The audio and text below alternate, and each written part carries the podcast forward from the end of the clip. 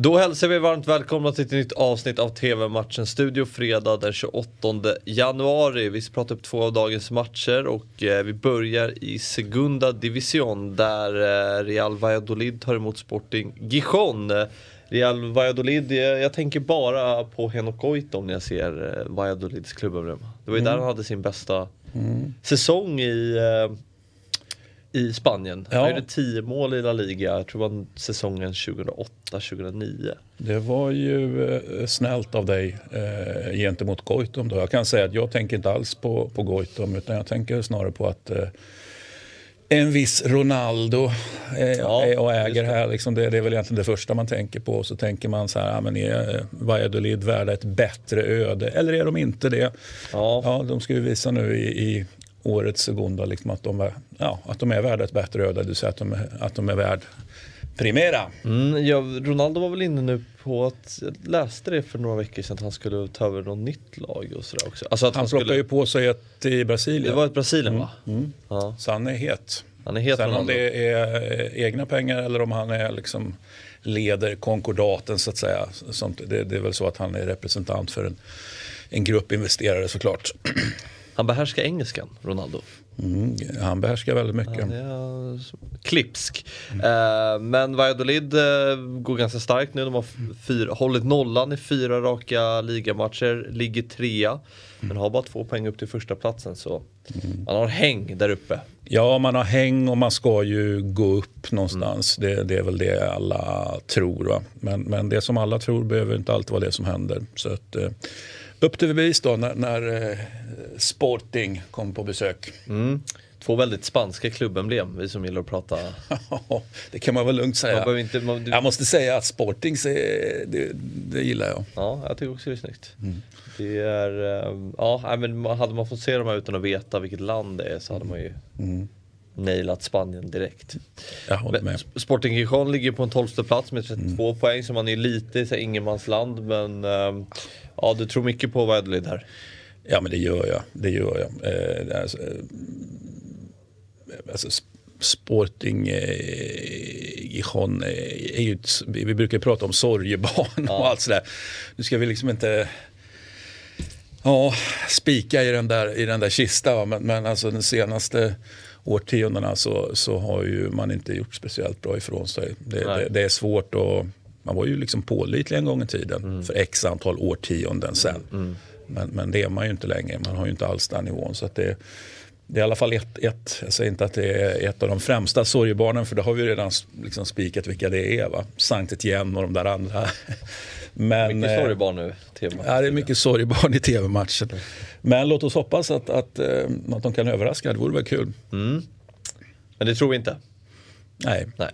Eh, matchen startar 21.00 och ni ser den på Simor. Nu till det sydamerikanska VM-kvalet och mötet mellan Colombia och Peru och där är det ju väldigt tajt. Det är kampen om fjärde, femte platsen. Fyra blir ju direkt kvalificerade till VM. Femman får ju kvala i det här ja, ganska coola playoff-spelet när man kan möta Oceanien. Oceanien och allting vad det. Det, mm, och Chile, Uruguay står på 16 poäng, Paraguay på 13 eh, och Colombia och eh, Peru står på 17. Så det är ju tajt där. Sen har vi Venezuela som är hopplös sist på 7 poäng. Ja, de är ju alltid hopplösa någonstans. Och, och därmed charmiga, kan jag nästan tycka. Eh, inget sorgebarn där inte, utan Nej. bara charmigt.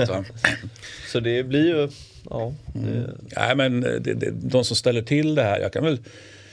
Jag ska inte säga kanske att jag är besviken på Colombia hittills fast det, min, min, min känsla är ändå att det drar åt besvikelsen. Jag har liksom väntat mig ändå eh, mer, får jag väl säga, av, av colombianerna. Så att det, men det är väl kanske så enkelt att det är Ecuador som, som är de som har ställt till det och annars hade det varit mycket lugnare och så vidare. och så vidare. Va? Men, men det finns ju en, en, en hög potential, hög inneboende kvalitet i, i Colombia. Den tycker jag väl inte att de har fått ut Nej. hittills. Det kanske släpper mot Peru, vem vet? Känns ju som att så här, Colombia och Uruguay och de här Chile, det, det känns som att återväxten där på spelarna är inte, de har ju haft liksom många bra spelare, spelare i toppligorna de senaste åren. Ja, men jag tänker att Colombia haft James Rodriguez och Då- Falcao. Och Men då kan jag väl ändå tycka att eh, där om du, om du vill bunta ihop de tre och prata återväxt så känns det att den chilenska återväxten är absolut sämst av Ja. dem.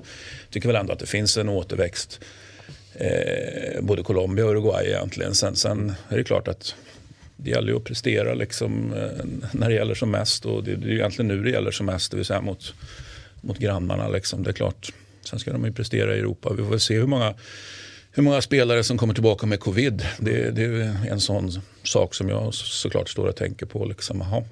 För det kan ju inte vara så att alla kommer tillbaka från Sydamerika och ingenting har hänt. Nej. Utan x antal kommer såklart att plocka på sig covid. Det, det behöver man väl inte vara Einstein för att, för att komma fram till. Nej, det lär ju bli nagelbitare till eh, det här kvalet. Eh, drar ihop sig i mars. Det är ju väldigt tajt och det är många lag som gör upp om de här fjärde, femte platsen. Känns som att Ecuador, vi kan väl nästan räkna att de tar, den här VM-platsen. Alltså det känns ju konstigt att det ska vara givet. Liksom. Och, och jag brukar ju inte gilla när man säger saker och ting är givna när de inte är matematiskt givna. Så du får inte med mig på Nej, den. jag vet, där är vi olika.